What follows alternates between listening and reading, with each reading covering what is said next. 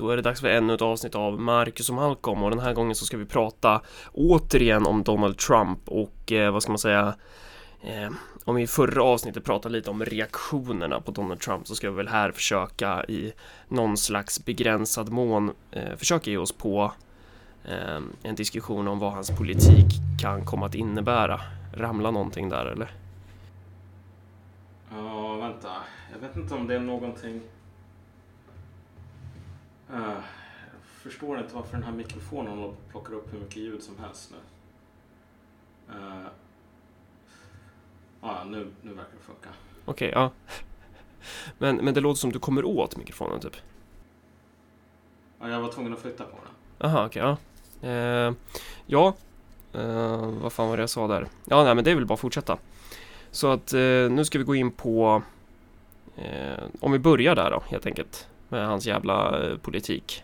Vad det, vad det kan innebära. Och det är också svårt att säga bara eh, Marcus och Malcolm må ju ha rätt om allting och sådär och vara väldigt ödmjuka men eh, ibland så är det ju inte alltid man kan se allt i våran magiska kristallkula om man säger så. Precis, och jag menar det har ju kommit massor med mytologier om Donald Trump som den här ärkerasistiska demonen som äter bebisar och så vidare. Eh, men när man tar bort det så är det ganska otydligt vad det är som finns kvar ungefär. Um, och jag tror så här. Om man undviker alla de här sensationalistiska berättelserna och bara fokuserar på vad Donald Trump faktiskt är i termer av liksom var någonstans han befinner sig politiskt i relation till systemet. Trump är ju den här elaka barbaren som har kommit utifrån um, och tagit över det republikanska partiet. Men han har inte konverterat det republikanska partiet om vi säger så. Så det är väldigt mycket så här ryktesspridning och jag tror ganska mycket av det här är på grund av att typ journalister är eh, Många amerikanska journalister är idag ganska sura och använder otro, skriver otroligt tendentiösa saker typ utan några källor. Men många av de här utnämningarna som det har ryktats om har väl varit så här mumier från Reagan-eran nästan. Ja, dels det och sen så håller man ju på att vifta med de här alt-right, eh, han den där Steve Bannon och, ja, och så vidare. Ja, man kan, ju, man kan ju, om man vill så kan man läsa ett tal av Steve Bannon liksom läsa det som han skriver. Och det här är ju faktiskt inte en jävla, ja det är ju verkligen inte en judehatare i alla fall. Uh, och det är ju en person som i slutändan säger att de stora fienderna idag politiskt, liksom den stora fienden för oss, det är inte demokrater, det är inte högern, eller det är inte vänstern, det är inte kommunister. Utan det är ju människor i högern som håller på att roffa åt sig och typ är korrupta. Mm. Så jag tycker inte att det är något otroligt negativt att Trump valde en, en person som har det perspektivet egentligen. Um, men du har lite andra människor som det ryktas om, typ John Bolton. Uh, um, jag kommer inte ihåg, vad heter han, Mikers eller vad, det är. Det är så här, en del riktiga mumier från Reagan-eran. Mm. Och liksom, I värsta fall så blir det här typ administrationen ser mer och mer ut som liksom Bush och Reagan.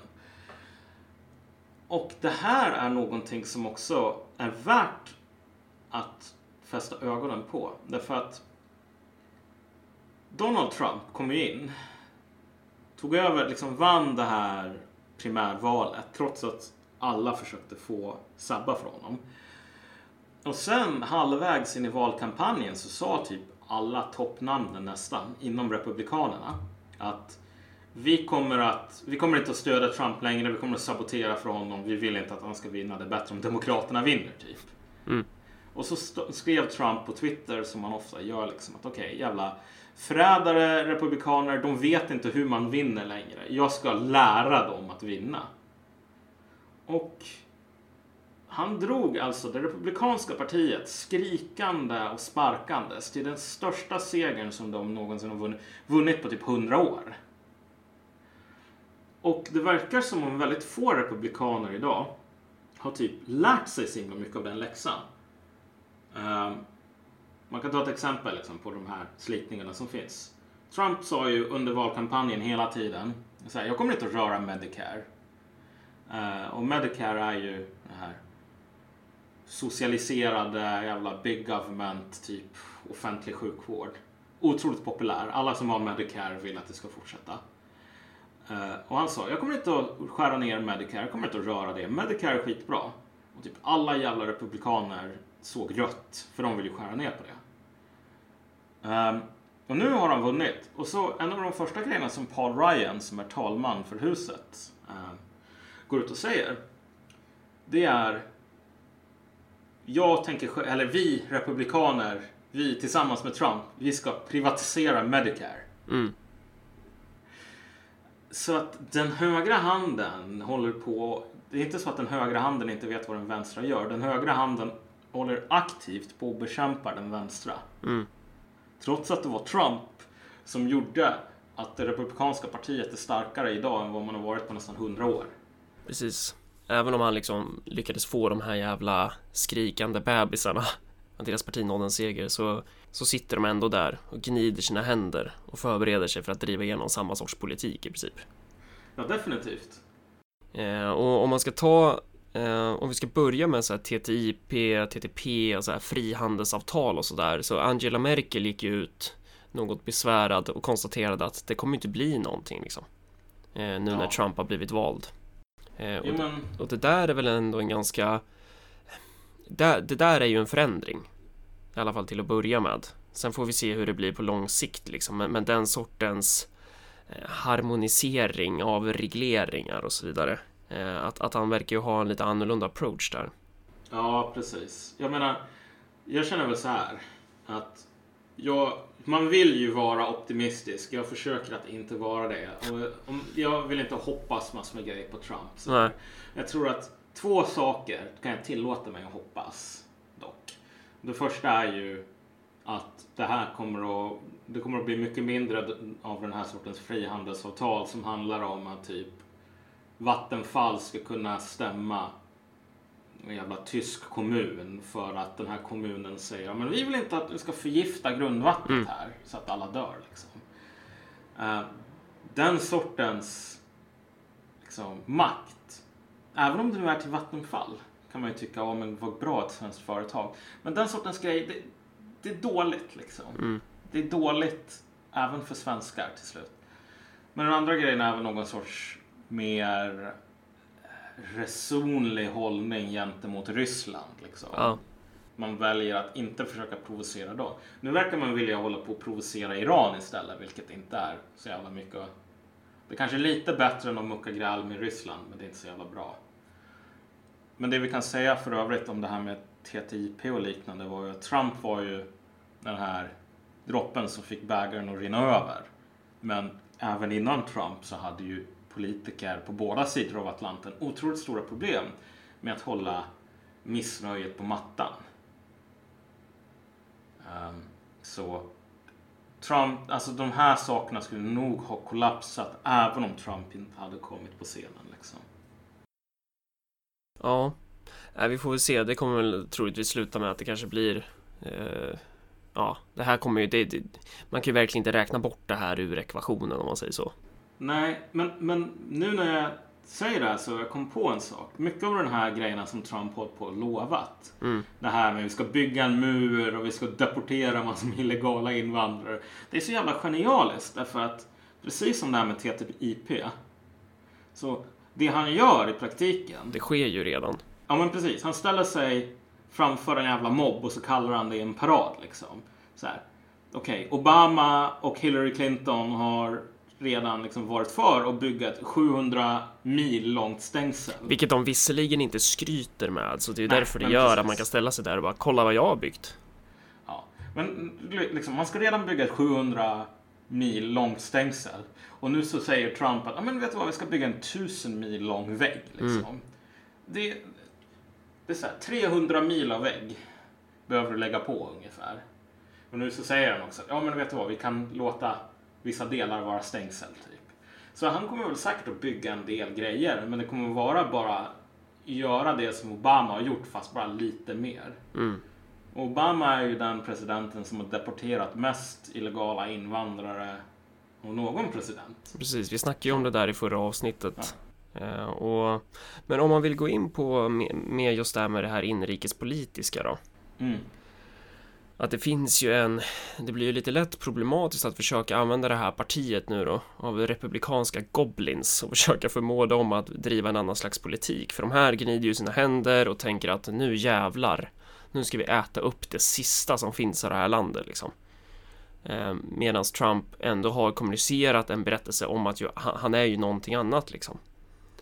Ja, precis. Och det finns människor som bara säger men det här var, det här var planen redan från början. Mm. Trump mm. var den här trojanska hästen, liksom elitens kandidat. Och det, bara, det känns ganska... Sånt känns ganska löjligt. Ungefär som det är löjligt att kalla honom en antisemit. Jag menar, det kan ju vara så att han hatar judar. Men det är ganska löjligt att säga anklaga någon som typ vinner massor med hedersordnar och liknande för att han är en sån stor vän till det judiska folket. Liksom. Och på samma sätt, någon som är hatad av hela etablissemanget och som fick typ en miljardär som stödde honom, Peter Thiel. Alla andra ställde sig på Clintons sida. Så här, antagligen så är han inte miljardärernas kandidat. Liksom. Mm, mm. Då skulle de väl antagligen ha ställt sig på hans sida. Men... Men om man tittar på vilka problem som USA står inför. Eh, ja. Kortfattat så har vi väl dels det här med eh, att den här finanskraschen som man hade 2008 liksom. Eh, som följde på den här bubblan. Den är ju liksom inte Man har ju egentligen inte gjort så mycket åt det Utan det är ju, man har ju bara skjutit på det där liksom framåt som man brukar göra Så de här problemen finns ju kvar, man har ju inte stängt av plattan som man brukar säga Nej men precis. Eh, och det här kommer ju troligtvis slå mot USA igen. Och då är ju frågan vad... Hur kommer en, eh, en karaktär som Trump, hur kommer han agera i en sån situation? Eh, för, för att han har ju ett, ett läge att eh, kanske gå in då och säga att det här genomkorrupta systemet, att, att eh, nu måste huvuden börja rulla liksom. Ja, men du vet, det är väl lite grann som man säger med Nixon. Bara mm. Nixon kunde åka till Kina liksom. Uh, möjligtvis...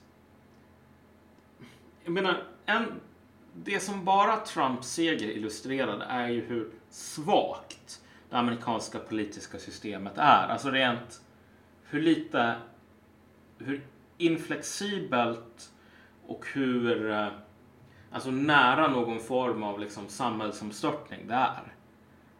För när människor bara kan komma in från gatan och säga liksom jag är elak typ och jag tycker att ni suger och jag vill ge er sparken och typ besegra hela etablissemanget.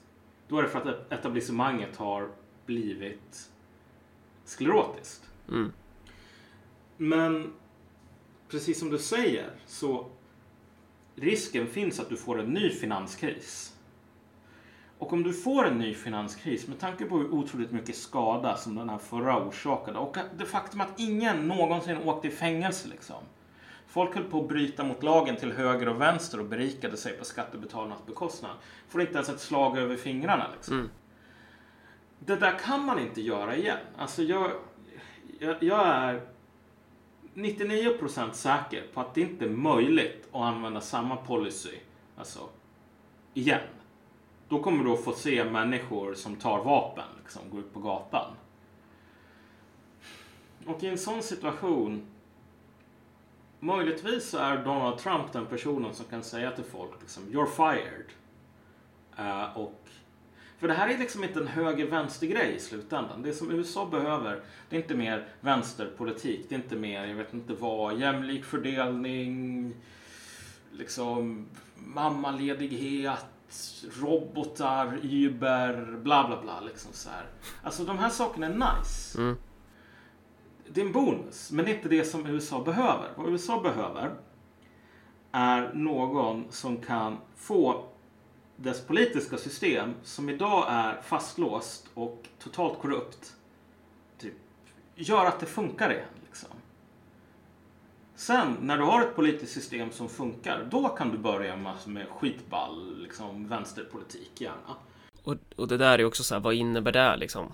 Alltså att få det här skiten att, att, att funka eh, det, det man behöver göra är ju till att börja med att bara så här Ja man måste ju börja skicka folk i fängelse liksom Alltså personer som aktivt saboterar eh, nationen måste ju bara ryka åt helvete liksom Jo men precis. Man måste få till lagar som är så här. Ni bankirer som eh, styrde den här jävla bubblan liksom som har fört oss till dess förfall. Vi, det, det är slut på det här nu. Ni, ni kan sitta och ruttna någonstans liksom. Alltså verkligen Jo. slå ner hårt och det finns ju olika anledningar till varför man behöver göra det där. Dels eh, har vi väl bara det här att de här personerna kan ju inte få härja fritt. Och den andra grejen är ju att det, det ser ju inte särskilt bra ut om man bara låter de här jävla parasiterna komma undan. Ja, men jag brukar återkomma till den här liksom heroinepidemin Mm. ungefär. Därför att den är så otroligt talande. Du har alltså amerikanska företag som tillverkar fentanyl, vilket är som heroin fast starkare ungefär. Ehm, och du har samma företag som håller på att muta läkare för att de ska skriva ut fentanyl Mm. till människor som inte behöver det här. Och det är väldigt få människor som behöver den här sortens liksom, otroligt starka smärtstillande. Så att man mutar läkare, skriver ut fentanyl för att någon vrickar tån eller något sånt. Och folk blir beroende till både höger och vänster på löpande jävla band. Och eftersom fentanyl är så starkt och typ heroin, liksom, så här, det är inte så himla kul att vara heroinist, det är inte så jävla hälsosamt att vara det överlag. Så folk håller på att dör. Dör som flugor. Och liksom det politiska systemet här. När du har människor som bokstavligt talat bryter mot lagen eller liksom nästan gör det. Eh, Men ibland öppet att man bryter mot lagen när det är sådana här mutor och liknande. För, och mördar den egna befolkningen, alltså pushar droger till den egna befolkningen. Medvetet jävla sabotage, alltså det är en hybridkrigsföring. Ja men alltså precis, men, men om det var ryssar Ja, exakt. som kom över i så här jävla stealthplan Ja. och, gjorde, och sålde de här grejerna. Det skulle ju vara en jävla katastrof Mm. liksom. Det här skulle vara a- en, en act of war. Ingen skulle acceptera det. Men USA är ett så svagt system idag så att amerikanska politiker kan alltså inte hindra amerikaner från att göra det här Mm. mot sin egna befolkning. Och det hänger ju ihop lite med att de Det är ju samma personer som är inom de här partierna inom etablissemanget Alltså det är ju deras vänner, det är deras familjer som också är i de här företagen Det är ju samma slags klientel liksom Mm. Ehm, Jo, men precis. Och jag menar, en av anledningarna till att Putin är relativt populär, han är ju mycket mer populär än någon liksom, ledare i väst. Och det är inte bara på grund av påhittade opinionsmätningar som det är massor med fusk i. Utan för att Ryssland på 90-talet var ju verkligen där. Ja. Det var så här, det politiska systemet under Jeltsin var så maktlöst och så korrupt så att lokala oligarker kunde göra precis vad de ville. Liksom. Det skulle inte förvåna mig om en del höll på som fan i Braveheart och bara Åh, nu är det någon i min by som ska gifta sig, men då får jag första natten. Liksom.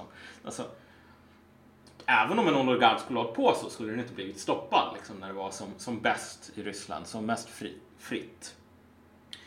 Och Putins Ryssland är otroligt korrupt och de har massor av människor som gagnar sig och någon som Putin är asrik på grund av att han känner folk som känner folk.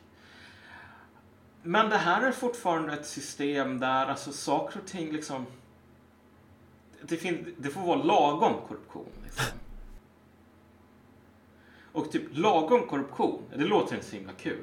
Men det är ljusår framför vad USA har idag. Mm. USA har inte lagom korruption. USA har gigantiska drogepidemier som är startade av amerikanska företag som upprätthålls av amerikanska företag för att man tjänar en slant extra på det. Det finns liksom inte på kartan att Putin skulle se mellan fingrarna på den här sortens Alltså medvetna sabotage av Ryssland om det hade hänt Nej, nej, liksom. gud. Han nej, hade ju varit liksom. stenhård där liksom Ja, alltså vad fan. Någon jävla måtta får det vara. Du får hålla på och typ smuggla kokain till, till rika ryssar ungefär. Men om arbetsmyrorna börjar dö, då, är, då har du ett jävla problem. Liksom. Då är det ju... Liksom, det är ju landsförräderi typ. Mm. Och jag menar, du har riktiga landsförrädare i USA. Det är fan vad man är om man alltså på allvar håller på och säljer, äh, äh, säljer heroin till typ trebarnsmammor. De får det utskrivet av läkaren på grund av att så här, läkaren säger men det här, det här är bra smärtstillande. Liksom. Men så här, sådana människor borde skickas till någon jävla nybyggt Gulag i Alaska. Liksom. Det är nog första steget.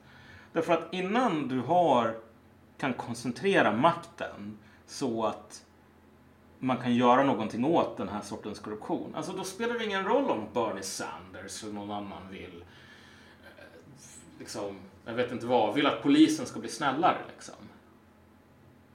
Och det, det är ju också, ja, det krävs ju att man har en jävla division om man ska implementera den sortens lagar också om Donald Trump liksom ska slå ner på det här. Ehm, det krävs ju att man verkligen måste mobilisera ganska starka styrkor för att kunna driva för att de, de alltså sabotörerna som jag var inne på förut, alltså det är ju samhällets elit som är sabotörerna liksom. Ja. De äter ju upp den gren de själva sitter på. Det här är det som är det stora, stora frågetecknet på Trumps presidentskap. Mm. Han har ju ett fot, en fot i liksom båda lägren här. Han har ju verkligen möjlighet att vara korrupt. Han har möjlighet att typ, eh, alltså inte bry sig bara, låta saker och ting fortsätta. Och han har massor med kompisar som man kan ge massor med kickbacks till och så vidare. Men om vi tänker oss Roosevelt. En av anledningarna till att Roosevelt kunde tvinga människor, alltså tvinga kapitalister att skärpa sig. De var ju inte intresserade av någon jävla klasskompromiss liksom, eller något sådant. Men, och Roosevelt var ju inte någon, liksom, eh, Roosevelt var det närmaste man kommer till liksom aristokrati i, i USA. Definitivt inte någon som står ute på gatan och delar ut flygblad och håller på och bygger upp massor med folkliga organisationer. Han satt på toppen liksom. Men han kunde säga till folk att de här människorna som sitter på botten, de lyssnar på mig. De tycker om mig. Och de tycker inte om er. Och ni har ett ett val här. Ni kan antingen tala med mig som förstår era intressen, som förstår hur ni tänker och som liksom tycker att ni inte är helt liksom, hemska. Och så kan vi försöka få upp någon kompromiss här så att alla sidor blir nöjda. Eller så kan ni tala till folket som står utanför med facklor och högafflar som vill hänga er från en jävla lyktstolpe. Det är valet som ni har. Trump har noll maktbas inom det republikanska partiet. Det finns inte vad som är Trump-republikaner. Om en 20 år kanske det kommer att finnas sådana och då kommer man kunna sjösätta politiska projekt med någon sorts institutionell basis. Men det har han inte idag. Och när nästa kris kommer så kommer frågan att vara om han kommer att vilja köra samma gamble som Roosevelt mm. och bara säga så här att okej, okay, jag kan bygga, för Trump är ju en elit liksom. Mm. Men en av de äldsta manövrerna inom elitpolitik är ju att bygga en maktbas bland vanligt folk. Liksom. Därför att då har du ett vapen mot andra eliter. Och om Trump klarar av att göra det, då kanske eh, demokratin överlever ett tag till. Om man inte gör det och folk håller på och typ privatiserar allting till höger och vänster och byter ut skolor mot charter schools och bla bla bla sådär. Och så har du en ny jävla Wall Street-krasch och så säger man så här, men vi kan inte hålla på och stoppa de här i fängelse för de är så himla fina. Förr eller senare så kommer det amerikanska systemet att kollapsa. Liksom. Mm. Det kommer att bli som i Sovjet. Därför att Sovjet kunde falla sönder, inte för att det var kom någon jävla invasionsarmé av liberaler liksom. Utan Sovjet kunde falla sönder för att det fanns inte en enda människa kvar i landet nästan. Som var beredd att lyfta ett enda jävla finger för att rädda det här systemet liksom. Det är ungefär där USA är idag. Det finns nästan ingen kvar längre som är beredd. Så här. Om vi får fascism på riktigt liksom. Mussolini återuppstår från de döda och säger, vet du vad? Jag är Mussolini, jag vet liksom fascism, det är ganska impopulärt liksom. Och, och, och, det är ondska på riktigt. Och jag är ond, men jag kommer i alla fall att typ hänga... Eh, Parasiterna. Ja, från en jävla lyktstolpe och typ lägga ner SNL. det är inte en, vad ska man säga, det är nog en större och växande del av USAs befolkning som på allvar skulle säga, ja men vet du vad, zombie Mussolini, gör din grej. Ja, men det är klart. Um, det är också intressant hur den här liksom alternativhögern har ju velat framhäva Donald Trumps seger som ett verk av dem själva. Så det ska bli intressant att se då när saker och ting börjar gå mer åt helvete hur man eh, spelar sina kort. För här har man ju faktiskt lagt pungen i brevlådan. Eh, och när saker börjar gå åt helvete, liksom vad... Vad ska man säga då, typ? Det här var eran God Emperor. Ja, men alltså det, du behöver inte vänta till nästa kris för det. Trump tog ju nyligen avstånd från alt-högern. Ja, Och folk är jättearga liksom jätteledsna och besvikna och upprörda. Ungefär som typ när eh, Obama sa, vet du vad, jag är inte vänster. Ja. Jag har aldrig sagt att jag är vänster. Ja, Trump har inte sagt att han är en vit nationalist heller. Liksom. Mm. Men, ja, nu har i alla fall extremhögern fått sin egen Obama och det tycker jag är lite kul. Eh, den tredje grejen som man kan prata om är också NATO. Eh, Mm. vad, vad innebär Trumps seger för eh, den här alliansen som ska skydda världen från all ondska? Vad, Ja. vad kan man säga där egentligen? För han har ju snackat dels om att så här länder måste vara beredda att punga upp i högre grad, att USA inte kan stå för allting och så vidare. Och sen är det också Ja. den här detaljen att han verkar inte vara lika fientlig mot eh, Ryssland heller. Som till exempel Hillary var ju väldigt så. Hon var ju rabiat alltså. Ja, tyvärr så är ju Trumps jävla folk verkar vara helt rabiata mot Iran. Mm. Vilket är inte lika dumt som att vara rabiat mot Ryssland, men det är nära på liksom. Ehm, men när det gäller NATO i alla fall. NATO var ju, har ju under en lång tid varit en försvarsallians som håller på pappret men som inte håller i praktiken. Mm. Så här. Jag menar när, när Turkiet sköt ner det här ryska planet till exempel. Mm. Av vad det jag har sett av situationen så verkar det som att det här var någonting som Erdogan eh, tog initiativet till själv. Och tänkte att nu kommer jag få NATO-uppbackning här. Nu kommer jag få NATO-uppbackning som kommer att göra att ryssarna kommer att ställas inför ett jävla ultimatum. Mm. Gå ut ur Syrien eller krig med hela NATO. Mm. Istället så kommer folk och bara tar, låser Erdogans arm bakom ryggen. Typ gnuggar knogen mot, mot huvudet och bara säger så här. Det här är inte en NATO-grej, det här är inte en NATO-grej, det här är inte en NATO-grej. Fattar du? Liksom. Eh, och du, du hade så här protester i NATO-länder på Balkan där man höll på att typ bränna turkiska flaggor och sa att vi borde förklara krig mot Turkiet istället. Liksom. Mm. Någon anledning så verkar det som om människor i de här länderna som en gång låg under det Ottomanska riket liksom, Men vad Inte bara ha fan positiva Jävla om- fitt. om Turkiet. Men, men det här är ett tecken i tiden lite grann. Det här var redan en försvarsallians som, vad ska man säga, den var jättefin för att sälja massor med vapen. För det, det är ju mycket av vad den handlar om efter att Sovjet la ner. Liksom. Ja. När du ska standardisera liksom, styrkor och sätta så att alla liksom, använder samma eh, utrustning och liknande. Då är det mest amerikanska företag som, som, som tillverkar den här utrustningen. Så det här har varit skitbra för typ Lockheed Martin och andra. Men vad vi går emot och det här har ju inte... Trump säger ju bara någonting som alla vet egentligen. Men vad vi går emot är ju en värld som är multipolär. En värld där vi inte har en enda typ, ett enda land som bestämmer. Utan du har flera länder som har sina egna bakgårdar som de är jävligt starka i. Och sen så har de områden utanför sina bakgårdar som de är mindre starka i och där de kan hamna i konflikt med andra. Liksom. Um. Så NATO kommer nog inte att överleva. Det kommer nog att överleva ett bra tag som en, som en fiktion. Ja, en, sy- en symbol typ, men inget mer Ja. än så. Eh, Precis. Att, att de geopolitiska motsättningarna bryter sönder den underifrån helt enkelt.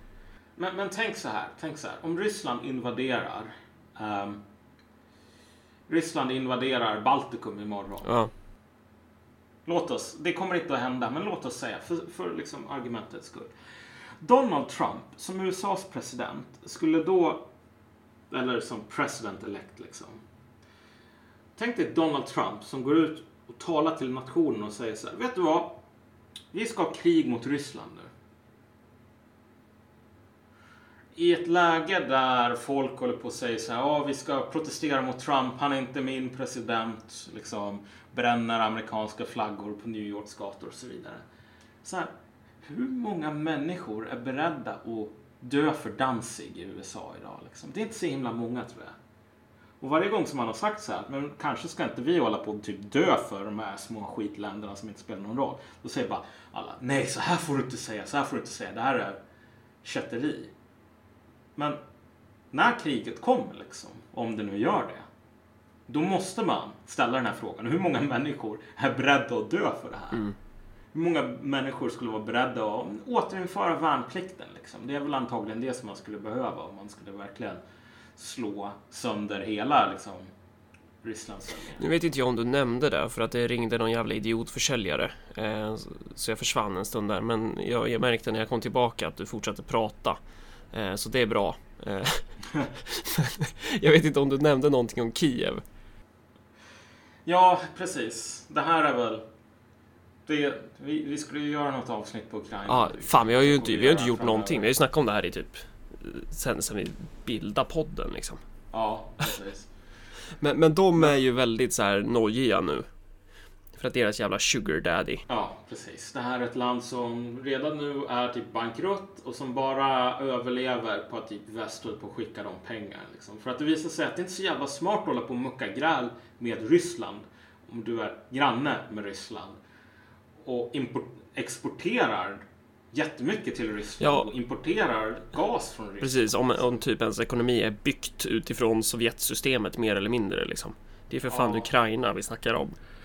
Ja, Men de, de har, alltså människorna i Kiev har hållit på och spårat ur ett jävla bra tag Ja. nu. Liksom. När man håller på och röstar om så här eh, eh, att man har fastslagit att det var eh, Ryssland som startade andra världskriget. Liksom. Det är bara en så jävla dum grej. På ett plan spelar det ingen roll, men det, det, det är talande för Ja. liksom, var de här människorna är i liksom, cykeln av uppgång och fall. Mm. Liksom. Ehm, och antagligen så kommer väst, och det här är någonting som jag tror inte Putin eller Trump egentligen har så mycket att göra med heller. Förr eller senare, även om det var Hillary, så tror jag man skulle säga ni får klara er själva nu. Liksom. Vi har inte råd att betala för era jävla mupperier längre. Det finns ju en konspirationsteori som florerar som handlar om att det enda alternativet är ett tredje världskrig för att rädda USAs eh, skuld typ. Att det är det enda sättet man ska kunna rädda ekonomin, att kunna täcka över att man är så skuldtäckt. Uh, ja, nej, det tror jag inte så himla mycket på. Uh, och det, är inte, det är ingen som vill ha ett tredje världskrig idag av den enkla anledningen att så här, om du ska, om, om du ska, du skulle ju kunna säga så här, vi tänker gå in i Grenada. Det här är tredje världskriget. Vi förklarar tredje världskriget mot Grenada liksom. Men för att du ska kunna förstöra nog med produktiv kapacitet för att du ska kunna ha någon jävla liksom eh, ekonomisk boom sen. Då måste du gå och förklara krig mot länder som spelar någon jävla roll. Mm. Liksom. Eh, problemet med att de flesta länder som spelar någon roll idag har kärnvapen. Mm. Det finns inte så himla mycket att bygga upp efteråt liksom, om man går ut i ett kärnvapenkrig. Sådär. Eh, och vi tänker oss så här, rysk militärdoktrin till exempel, eller kärnvapendoktrin, är ju bara så att ryssarna förbehåller sig rätten att använda kärnvapen även i en konventionell konflikt om den ryska statens överlevnad är hotad. Så om du går ut i krig eller något så proxykrig mot Ryssland i Syrien då är det inte så himla mycket av ett problem. Du kan till och med skjuta ner ryska plan liksom. De kommer att bli jävligt sura men kärnvapnen kommer inte att komma ut. Men om du säger så här, vi ska jämna Ryssland med marken ungefär som man gjorde ehm, Tyskarna. på 30-talet, ja men Mm. på 40-talet liksom. Eh, och vi ska bomba alla fabriker tills det liksom bara är bråte kvar. För att det här är bra för ekonomin. Jag menar, då kommer kärnvapnen liksom. Mm. Så att när du begränsar konflikterna på det här sättet så den här lösningen finns inte. Och det är väl inte någon, någon större tragedi egentligen. Nej, Någonting händer Det är något stort på gång med våra vänner Det är Marcus och Malcolms podd Eh, men okej, då har vi pratat lite om TTIP, vi har snackat lite inrikes eh, och vi har snackat lite NATO där då. Om man ska gå in på en fjärde grej som jag har tänkt en del på, det är ju så här eh, den svenska vänsterns reaktioner. Att jag har sett, eh, inte bara den svenska vänstern, men ganska många såna här eh, artiklar som handlar om om bara Sanders hade eh, hade blivit Demokraternas kandidat så hade man eh, spöat Trump och så hade man löst grejer liksom. Att man liksom bygger upp en att man håller på så här helgonförklarar honom i efterhand typ. Och jag tycker att det där är djupt problematiskt för att han är ju inte en person som jag tycker förtjänar att bli helgonförklarad på något sätt utan jag tror att han hade ju han hade ju gjort samma grej i princip. Jag tror nog nästan att man kan sätta större hopp till Trump att han kommer kunna genomföra sådana här antikorruptionslagar än vad Sanders skulle göra om jag ska vara ärlig. Ja, alltså det... Om vi talar om Sanders som person så det finns väl en del positiva saker att säga om honom. Men jag tror inte att han är den som skulle kunna säga “You're fired” Nej, till talesmannen för kongressen. Liksom, sådär. och hela, Ehm. hela hans strategi om man tänker på den typ. För man kan ju argumentera så här. Eh, vi har ju snackat lite om att Bernie, vi har ju sagt så här, Bernie sellout liksom i tidigare avsnitt typ. Eh, och det kan man ju, det kan ju vara värt att ha en diskussion vad, vad man menar med det och vad man inte menar typ. Att jag har ju aldrig förväntat mig att Bernie Sanders skulle komma och bygga någon slags socialism eller något sånt typ. Eh, däremot så har vi pratat om det här med problematiken i när man mobiliserar människor på grundval av en vision, eh, på grundval av en berättelse som handlar om att man är, alltså Wall Street är antagonisterna liksom. Eh, man, man är inte med Hillary Clinton, man är emot henne och sen i slutändan då när man blir arslad inför alla, att man bara blir pissad på och det är bara det enda rätta att göra är bara att dra en yxa och sätta den i skallen på motståndaren liksom, för annars så är du svag som människa. Då, då böjer man sig och man säger nej men eh, rösta på Hillary. Att man liksom Mm. förråder alla de här människorna som man har mobiliserat. Eh, och, och liksom vad det innebär typ. Och jag tycker att den här människan eh, jag gillar ju inte Sanders liksom. Och det här, här är ju en av de anledningarna. Inte för att jag bara säger, ah, han är ingen kommunist. Eller något sånt. Utan mer bara så här. Det här är en person som, som leker med folks drömmar på ett jävligt farligt sätt. Eh, och framförallt så stör jag mig så inåt helvete på de personerna som nu i efterhand vill hålla på och ändå försöka ge den här människan upprättelse. Försöka ge den här politiska strategin upprättelse. Ja. Alltså i slutändan, det som du kunde ha fått från Sanders. Alltså Sanders befann sig i precis samma sits som Corbyn. Mm. Corbyn ehm, tänkte ju inte att jag kommer att vinna det här. Han blev jävligt förvånad när han vann. Ehm, och han skulle han inte ens, ens ha ställt upp som kandidat om det inte vore så. Människor inom Labourpartiet som var så här kukhöger bara sa att men jag kan ge dig min liksom signatur här. Därför att det är bra med att ha lite mångfald i de här valen. Alltså ett, typ ett radikalt alibi. Nästan. Ja. Att, man, att man breddar eh, personer som eh, Ja men det här så klassiska som Slavoj Zizek brukar snacka om gällande Hillary Clinton att hon eh, har en allians av Occupy Wall Street och Wall Street liksom. Ja, ja, nej men, alltså, men det är inte vad det handlar om här. Alltså, vad, vad, vad jag talar om här är att Corbyn som sådan bara kunde ställa upp i det här valet som partiledarkandidat. Bara på grund av att folk sa så här. Jag är höger, men jag kan ge dig min signatur för du kommer aldrig att vinna. Jo men det är det jag menar att, att man liksom har så här bara Ja men det är nice att bredda eh, eh, Att bredda det hela Att få det liksom Mm. att så här Ja ja men även de radikala elementen kan vara med för de är inget problem typ De, de Ja, är bara jo. ett alibi för oss att få mer Ja. eh, röster typ Det är det jag menar Men det var, ja, precis. Men då, det var den attityden som han hade. Mm. Och sen så verkar det som om Corbyn kommer att vinna och så sliter de här människorna håret och bara skriker What have I done? Eh, och Sanders på samma sätt gick ju in i det här och han tänkte jag kommer ju aldrig att vinna. Liksom. Det finns ju ingen jävla chans. Ehm, och han kom otroligt nära. Men han vann inte på grund av att liksom, verkligen organiserat fusk.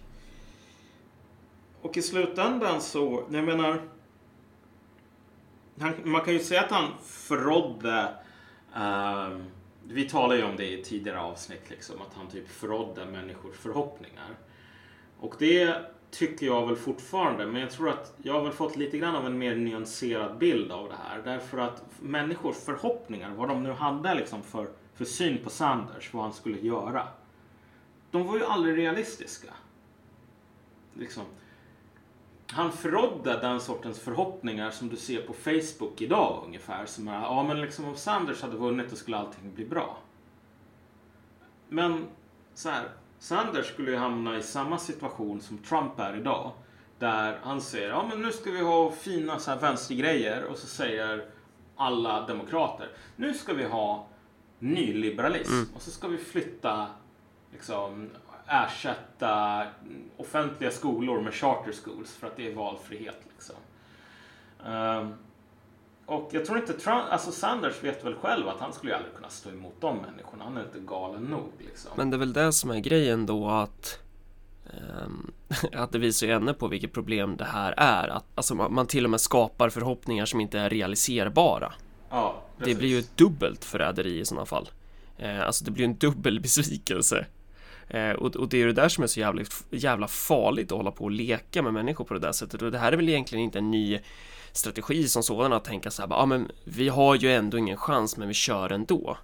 Eh, som, jag, som jag tycker är så här, alltså det, sättet man motiverar det på handlar väl om så här, vi måste tänka långsiktigt, vi måste bygga rörelse, om vi kan få fram eh, någon kandidat här som ändå kan sätta de här frågorna på agendan så kommer det betyda att vi flyttar fram våra positioner. Men jag menar på att nej, det gör man ju inte.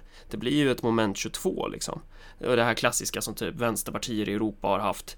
Eh, det, det här dilemmat man alltid ställs inför. Ja, ska vi samarbeta med Socialdemokraterna och vrida dem eh, en millimeter åt vårt håll och få igenom typ, jag vet inte vad, någon jävla eh, snäll liten gullig eh, subvention typ. Och sen säga att det är världens största seger som han själv ska ta åt sig äran för. Eller ska vi stå i opposition?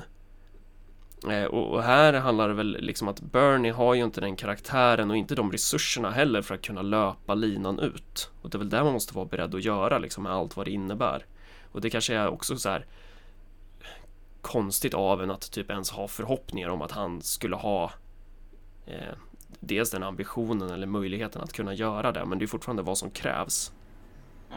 Jag kan väl säga så här. Å andra sidan, jag har sett människor som jag respekterar ganska mycket politiskt som har varit med både liksom, en och två slängar runt karusellen ungefär. Människor som pushar liksom 60-70 år.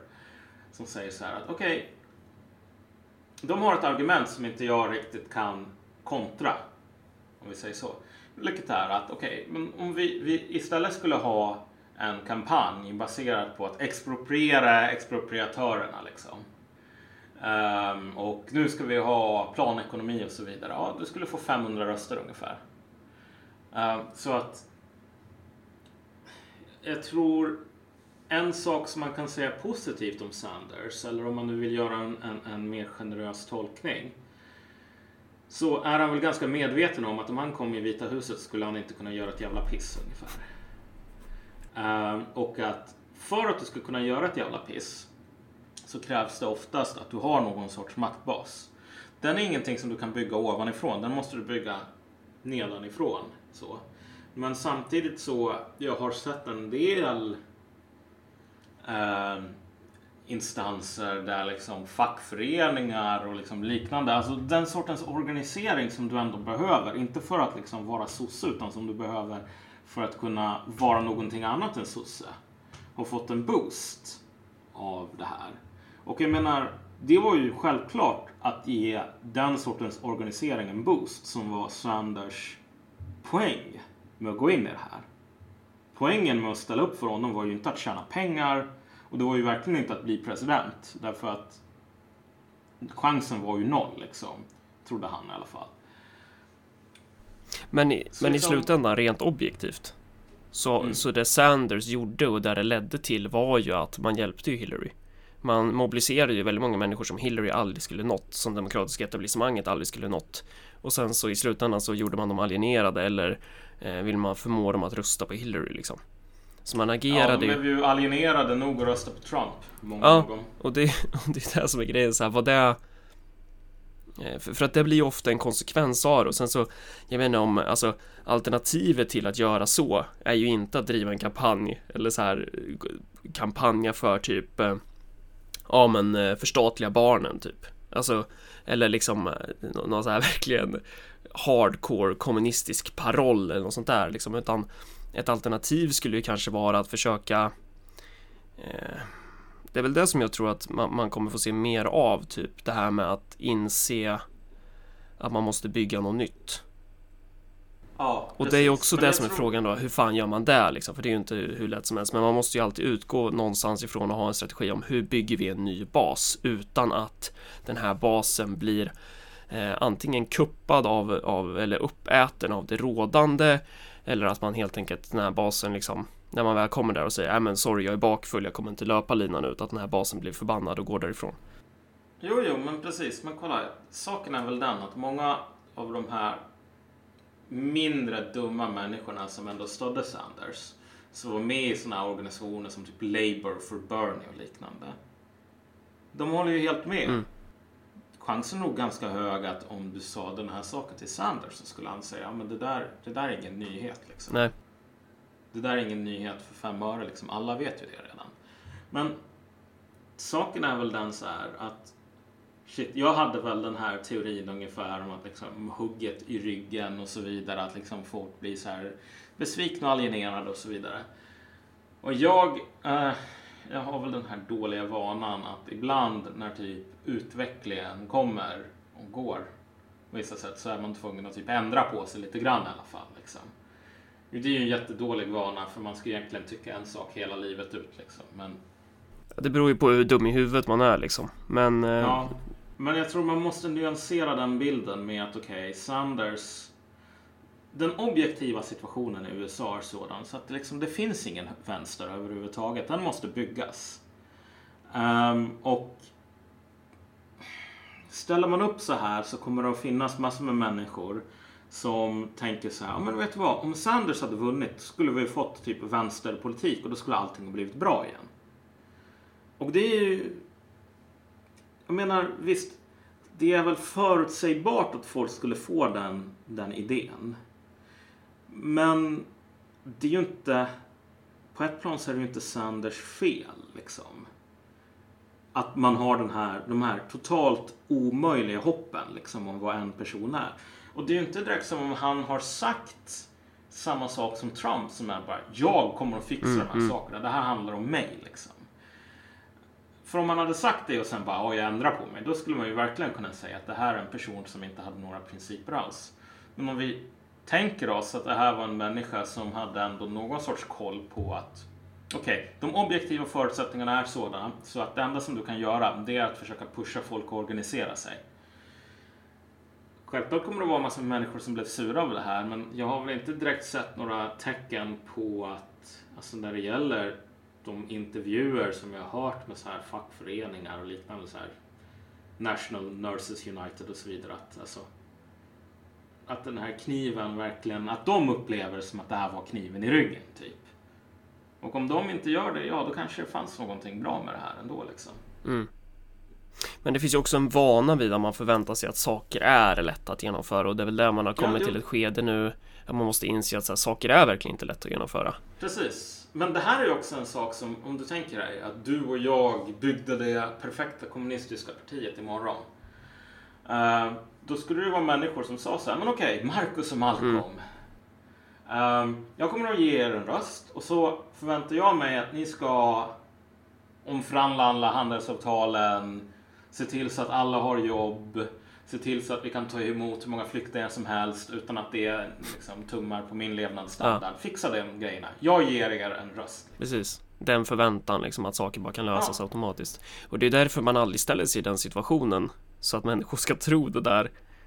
Eh, att, att det är ju någonting man aktivt, idag i alla fall, så, alltså så länge man inte kan infria några luften så ska man ju inte lägga dem liksom. Man ska ju inte lova guld och gröna skogar. Man ska lova den närkinska cyniska doktrinen om att det går aldrig. Men man får, man får försöka hålla ihop ändå. Man måste se till så att man kan bygga en maktbas också. Ja. Alltså en, en faktisk liksom, grund. Mm. Politisk grund liksom.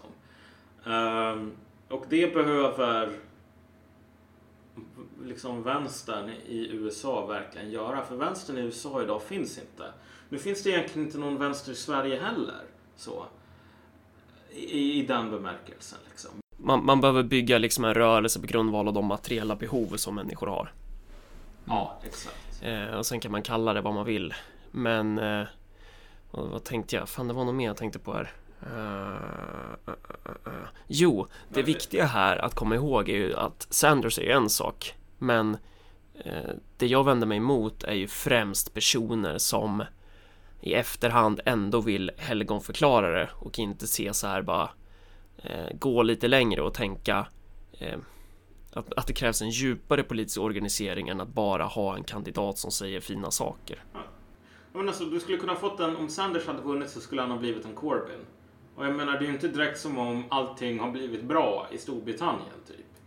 Eh, folk idag, tror jag, tänker sig att så här, nyliberalism, ekonomiska kriser, resurskriser, eh, miljökriser, klimatförändringar, krig, flyktingvågor. Det här är bara liksom så här, tillfällig störning. en bugg. Ja, sen så när vi bara har tryckt på rätt mentometerknapp liksom. Då kommer vi att komma tillbaks till det, det är till gyllene 60-talet. Så. Ehm, och så kommer vi att kunna vara de människorna som sitter hemma och blir feta på julmust och typ kollar på Bingolotto och sådär. Men, och så tänker de sig, nu ska vi organisera oss, sörj inte att organisera er. Och så ska organisationen vara en sluten Facebookgrupp och typ så här som Black Coffee liksom. En Facebookgrupp och en hemsida. Det, de kallar sig själva en rörelse de med. Men en rörelse kommer nog att bli det som var ungefär 20-30 år av organisering. Liksom, fackliga kamper, allting sånt. Du vet, innan, innan, innan vi hade någonting Ja, överhuvudtaget. så var man tvungen att gå ihop för att skapa någonting. Man, Ja, och man svarade tog- på materiella problem i sin vardag. Ja, det tog inte en månad, det tog inte ett år, det tog årtionden. Mm. Och visst, man vill ju hoppas att nej men herregud, det här är bara en bok Mm. och vi bör, det, det kommer att gå över. Men möjligtvis så kommer det att vara så att den sortens rörelse som behövs är den som kommer att ta upp någon som är liksom en 20 år idag säger vi, liksom hela deras liv. Mm. Exakt. Det är få människor som är beredda på det idag, men, men du vet, De finns. Alltså, de finns och sen när nöden blir stor nog Ja.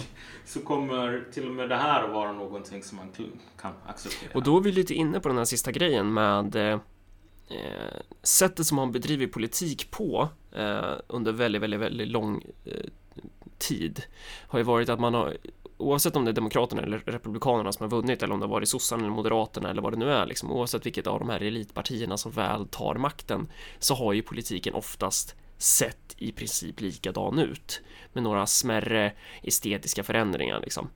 Men man har beskrivit det i olika berättelser så att, så att det, den, vad ska man säga, den politiska kampen har ju nästan varit en det har ju bara varit på ytan en slags berättelsemässig kamp, kan man säga så?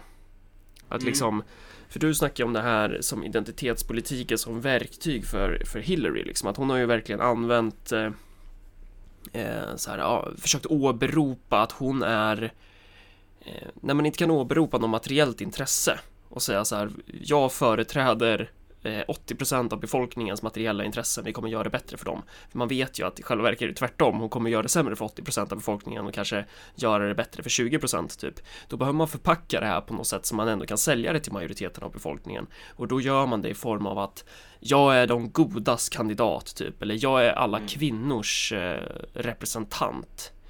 Eh, att, att det blir nästan som en inverterad eh, nationalism typ. Ja, precis. Alltså i slutändan, jag sa ju det förra avsnittet tror jag du var lite så här tveksam till. För jag kom ju med den här spådomen om att identitetspolitiken har nog fått sig en törn som den inte kommer att återhämta sig från. Den kommer bara gå nedåt härifrån. Mm. Den är, det, det är liksom en zombie idag. Ehm, och man får dela upp det här, liksom, vad identitetspolitik Precis, är. man- Vad här, menar man med det liksom? Ja. Men alltså, det finns dels det här, liksom, den här debatten som, som, som pågår på kultursidor och liknande. Typ. Är det här är, det, är vi människor varelser som verkligen tänker bara i identiteter? Bla, bla, bla. Liksom sådär. Och det, där, det här är mer en epistemologisk, filosofisk diskussion.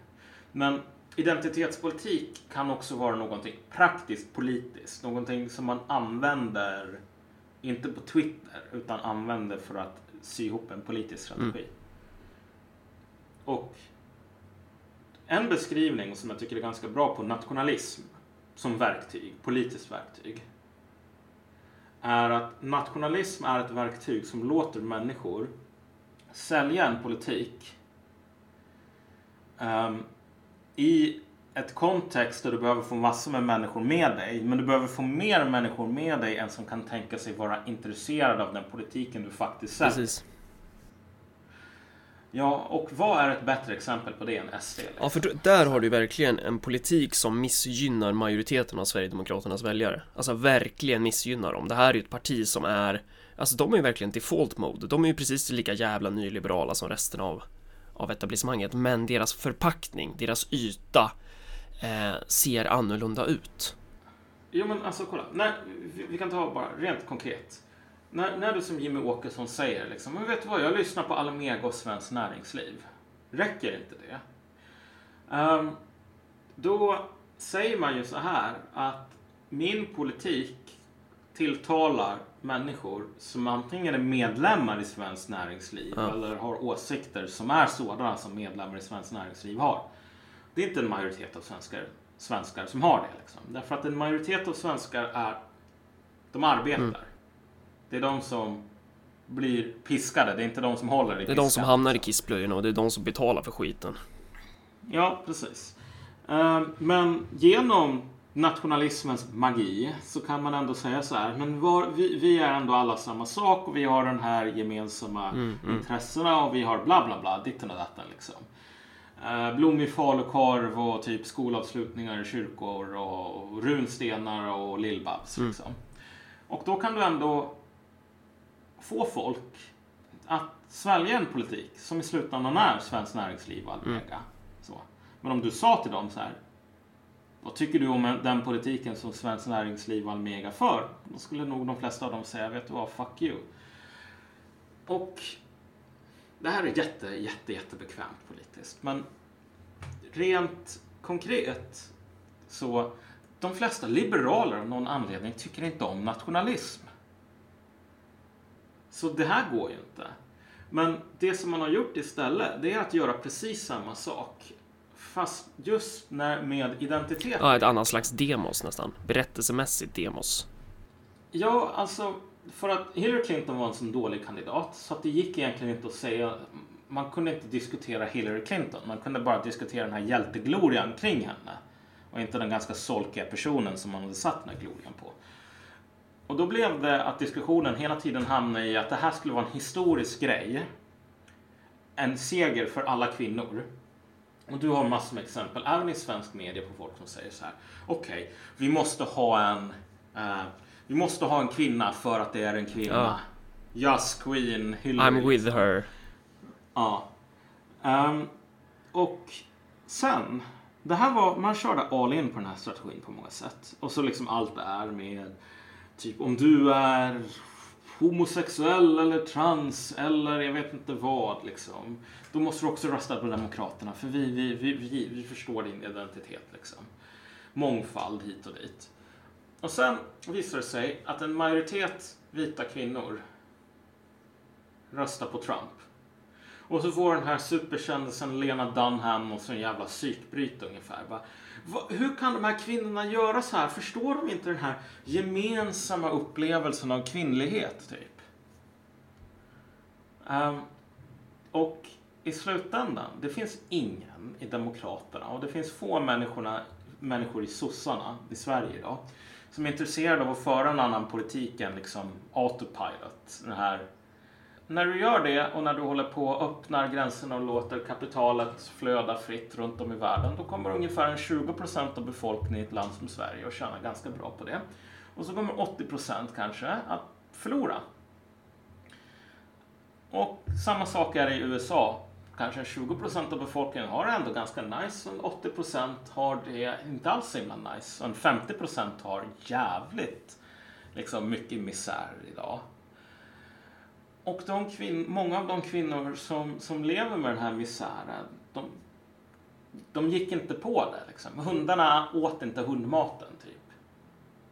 Problemet är att om man lever i en demokrati, då behöver man ofta ha en majoritet med sig. Alltså det är inte, det är inte, det är inte en nice bonus.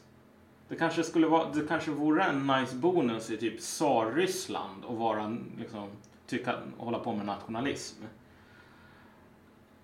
Men om du ska få röster, en majoritet av alla röster, då måste du få människor med dig. Och vad händer egentligen om det här sättet som man syr ihop den här kompromissen på inte längre funkar? Precis. Berättelsen, man, man kan inte skarva fram en berättelse som, som passar med verkligheten längre.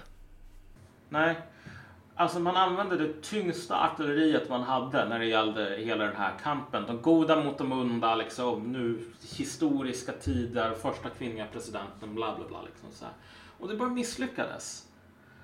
Och vad det här har lett till, bland annat, är ju att alltså, Demokratiska partiet idag, det är ju en jävla kalkon med huvudet avhugget. Så här. Det finns nästan ingen ledning kvar. Och folk vet inte vad de ska göra liksom. Därför att om man inte kan sy ihop den här koalitionen mellan typ människor som bor i Los Angeles, Silicon Valley, New York och Washington. Liksom, det är inte så att man kommer att sluta med den politiken. Typ. Det är ingen som vill sluta med den politiken på DN eller något sånt. Men det här, sätter, det här gör kanske att man måste, måste tänka på om demokrati verkligen är rätt system. Ja. Liksom. För att upprätthålla deras Och- ekonomiska politik. Jo, men precis. Och jag menar, du ser ju redan idag folk som börjar ställa den frågan. Alltså, kanske är det så att demokrati faktiskt inte är så jävla nice. Det som är det sjukaste med det här jävla CP-valet i USA är ju typ att okej, du och jag, luttrade kommunister och människor som Åsa Linderborg håller på att säga så här, du vet. Borgerlig demokrati, eh, ja, vi vet ju om Marx om den ungefär. Det, det är du, jag och Och- Åsa här alltså. Det, Ja, men alltså, men. Åsa skrev... Ja, nej, men, ja, men precis. Men Åsa Linderborg skrev ju en artikel om Ja, det här. Som var den här liksom standard typ att okej, USAs demokrati är ett skämt. Liksom. Det, det är fan ingen riktig demokrati ungefär. Och så var det många som sa bara, åh gud jävla vänstermupp liksom. det här är ett tecken på att Åsa, Venezuela." Åsa Linderborg vill ha DDR. Ja, precis. Men jag menar, men det här är, det här var liksom, det här är par for the course för många Ja. på vänstern liksom. Det här, demokratin, var det inte typ Mark Twain eller någon som sa liksom att typ om, om att rösta på någonting någonsin förändra något, då skulle man förbjuda det. Hur många som helst håller på att posta det på Facebook och så vinner fucking jävla Donald Trump. Och så kommer Obama och säger bara, well, voting matters. Democracy is real. Och så är människor som du och jag tvungna att erkänna att, vet du vad? Demokratin funkar ju. Den var ju, den var ju inte bara en illusion. Ja, ja, på det Men sättet absolut. Det går ju. Men Fel låt kunde ju ja, ja, vinna. alltså det, det går ju definitivt. Men du har ju fortfarande Sen har, alltså det beror ju på vad du lägger i begreppet demokrati liksom. Vad, Jo, jo, jo, jo, visst, visst, visst. Men det är ändå så här att okej, människor som är väldigt Mm. luttrade med att liksom så här, systemet är riggat, bla, bla, bla. Tvungna att erkänna, vet du vad, systemet kanske inte var så jävla riggat ändå.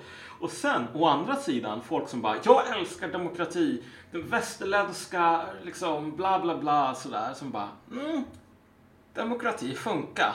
Det här var inte bra, liksom.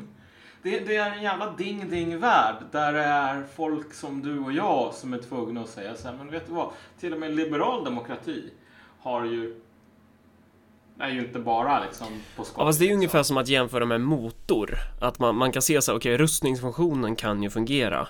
Men eh, andra grejer kan ju vara helt rostiga liksom. Och det är väl det som är grejen med Jo, libido. jo, jo, för, att, visst, för att man kan ju visst, inte visst. separera den här grejen som händer att när väl fel låt vinner, då, då är ju de här reaktionerna från etablissemanget om att Ja. eh, vi, vi måste förhindra att fel låt vinner. Det är ju en inneboende funktion i just den liberala demokratin också. Ja, jo men precis. Men jag menar, kolla. Det är ändå så här, visst. En, en sann kommunist kommer ju att tala om allt det här med att du kan inte riktigt Ja. ha demokrati utan också liksom ekonomisk Precis. demokrati. Bla bla, så här. Visst, det, det, det är ganska självklart. Men, men idag, i takt med att människor som Peter Wolodarski bara får så akut panik över att så här, folk vanliga medborgare kan påverka någonting så är man som någon sorts extrem vänstertomte tvungen att säga så här, "Ah, vanliga medborgare kan faktiskt påverka någonting. Today I learned. Eh, så det, är- det, det är en fascinerande bit om den här tiden vi lever i. En annan faktiskt. grej som jag tänkte på, som, om, om jag är kvar i den här liksom snacket om så här identitetspolitiken som verktyg och att eh, möjligheterna för att använda de här berättelserna att de eroderas beroende på att Mm. det blir svårare att sälja plastmat till folk som svälter. Det är ju i princip det här man försöker göra liksom. För jag tänker på Sverigedemokraterna, det kommer ju vara intressant att se hur man, för, för de befinner sig ju faktiskt i ett läge där de försöker sälja in landsförrädarna, alltså de företräder ju de facto landsförrädare. De företräder ju de facto Almega och de här, alltså riktiga sabotörer av landet. Eh, och det säljer man i, i liksom paketerat i patriotism och nationalism. Eh, och jag älskar att de gör det, för det är ju verkligen så här, Mm. det är så jävla öppet mål för att komma och sälja något helt annat i det där paketet. Jo, men precis. Men jag tror det är väl lite grann så här typ. Hillary Clinton var ju lite grann som en annan ledare som började på H, Hitler. I och med att när Hitler till slut förlorade så var det få människor kvar i Europa som var beredda att säga så här, äh, nationalism liksom. Det, det är bra typ. Det var ett långt tag efter typ att tredje riket föll som Alltså det var över. Ja, men så, så, man, man behöver ju inte ha en harm, för det är väl det som är poängen att eh, Men kolla, min, Ja. min poäng här är så här med Hillary. Är att hon var den här stor... eh, Hennes förlust tror jag kommer att göra att få människor, seriösa politiker, är beredda att försöka bygga en sådan strategi framöver. Liksom. du tror det alltså? Ja, det tror jag. Vad, vad, vad ska man Alltså, göra då? Vad, alltså- vad ska man sälja då? Ja, du, det är en jävligt Då- bra fråga och det är det ingen som har Du- ett svar på. Men jag menar... Det är det som är grejen, alltså här. Okej, identitetspolitiken har nått vägs ände, men vad fan, vad fan kommer sen då? Det är ju inte direkt som att de här Ja. personerna för, för de kan ju inte börja prata om direkt materiella behov. De kan ju inte börja prata om att så här sann patriotism, det är att man ska tjäna landet, kosta vad det kosta vill liksom. Att, att så här, en parasit är en parasit. Vi ska inte kalla den för någon jävla entreprenör eller något sånt där liksom. För att de är ju inte de här aktörerna som kommer göra det. De är ju, de är ju problemet. Nej, nej men precis. Jag tror att många av dem kommer väl att försöka göra det minsta möjliga för att typ anpassa sig så lite som Ja. möjligt men som, så att man fortfarande kan behålla huvudet. Men då kommer det vara ungefär att identitetspolitiken kanske inte har nått vägs ände men den, har, den tappar mark mer och mer. Man kommer fortsatt köra på så här. Varför ska jag rösta på Socialdemokraterna? Nej men de är bra. Nej, alltså nej, snarare är det mer så här att du kommer att se typ Anna Kinberg, AKB, som typ säger Ja, vet du vad? Eh, Jag kom på det här med att flyktingar, man kan inte ta emot hur många som helst. Liksom. Ja, du kommer att, du, du kommer att se mer och mer sådana initiativ från politiker. Det har du ju redan börjat sett idag, liksom demokrater. Även så här Wall Street-demokrater börjar säga så här, ja men vet du vad, kanske behöver, vet du vad, Sanders. Sanders är fan ganska nice. Han är inte helt dum liksom. Börjar riktiga så Wall Street-demokrater säga. För att de tänker att okej, vi, behöver, vi behöver bröd och cirkusar här. Och så, Ja. det men- tycker inte jag. Jag tycker vi behöver, vi behöver en armé. En armé Ja, värdig jag tror- Mordor. Jag tror inte det kommer att bli många som gör någon jävla This is my fight song igen liksom. Om du har lyssnat på den liksom. Så här, gör en kampanjlåt bara där man bjuder in hela USAs kändisar Ja. för att typ förklara att det här är Hela District 1 står samlade bakom den enda vägens politik. det tåget har Ja. gått. Liksom. Och Hillary Clinton, ja, nej, hon, hon satte nog kniven i ryggen. Inte på de här jävla loserna på Twitter liksom, eller på Erik Rosén eller politismgänget. De kommer att fortsätta så här ett tag till. Därför att de spelar ingen roll. Men människor som spelar någon roll och som inte är dumma i huvudet och liksom nickedockor ungefär. De kommer nog att ändra på sina politiska kalkyler framöver. Det tror jag definitivt. Yes. Men vad fan, eh, där fick vi ihop en och tio långt avsnitt beroende på hur långt det blir när jag klipper ihop den här skiten sen. Eh, vad vill man säga i slutet här nu? Det är att man eh, givetvis ska dela det här avsnittet i sociala medier, sprid våran podcast så att vi får fler lyssnare. Eh, swisha gärna en gåva till 0790 1072 23 och signa upp dig på våran Patreon. Där kan man också donera en sån här gåva varje gång vi har släppt ett avsnitt. Um, följ oss på Twitter, gilla oss på Facebook. Har du något mer att säga Malcolm? Ehm, ja, jag tycker jag vill skicka en sträng uppmaning till eh, Politbyrån. eh, att det måste komma mer memes nu. Memes överlag eller memes om just eh, Marcus och Malcolm? Nej, alltså bara memes överlag. Jag tycker att det har varit dåligt med memes på sistone och vi behöver mer memes. Okej. Så här. Donald Trump vann på grund av meme-magi. Låt oss inte glömma det. Alltså du, du och dina jävla memes. Det, det, ja, Du, ja, du, du tror verkligen så här. Det är lätt för dig att hålla på och klanka ner på det, men kommunismen kommer också behöva sina egna meme-trollkarlar framöver. Det ska du alltså se. Så som sagt, fixa mer memes, eh, äh, lolchevis. Det behövs.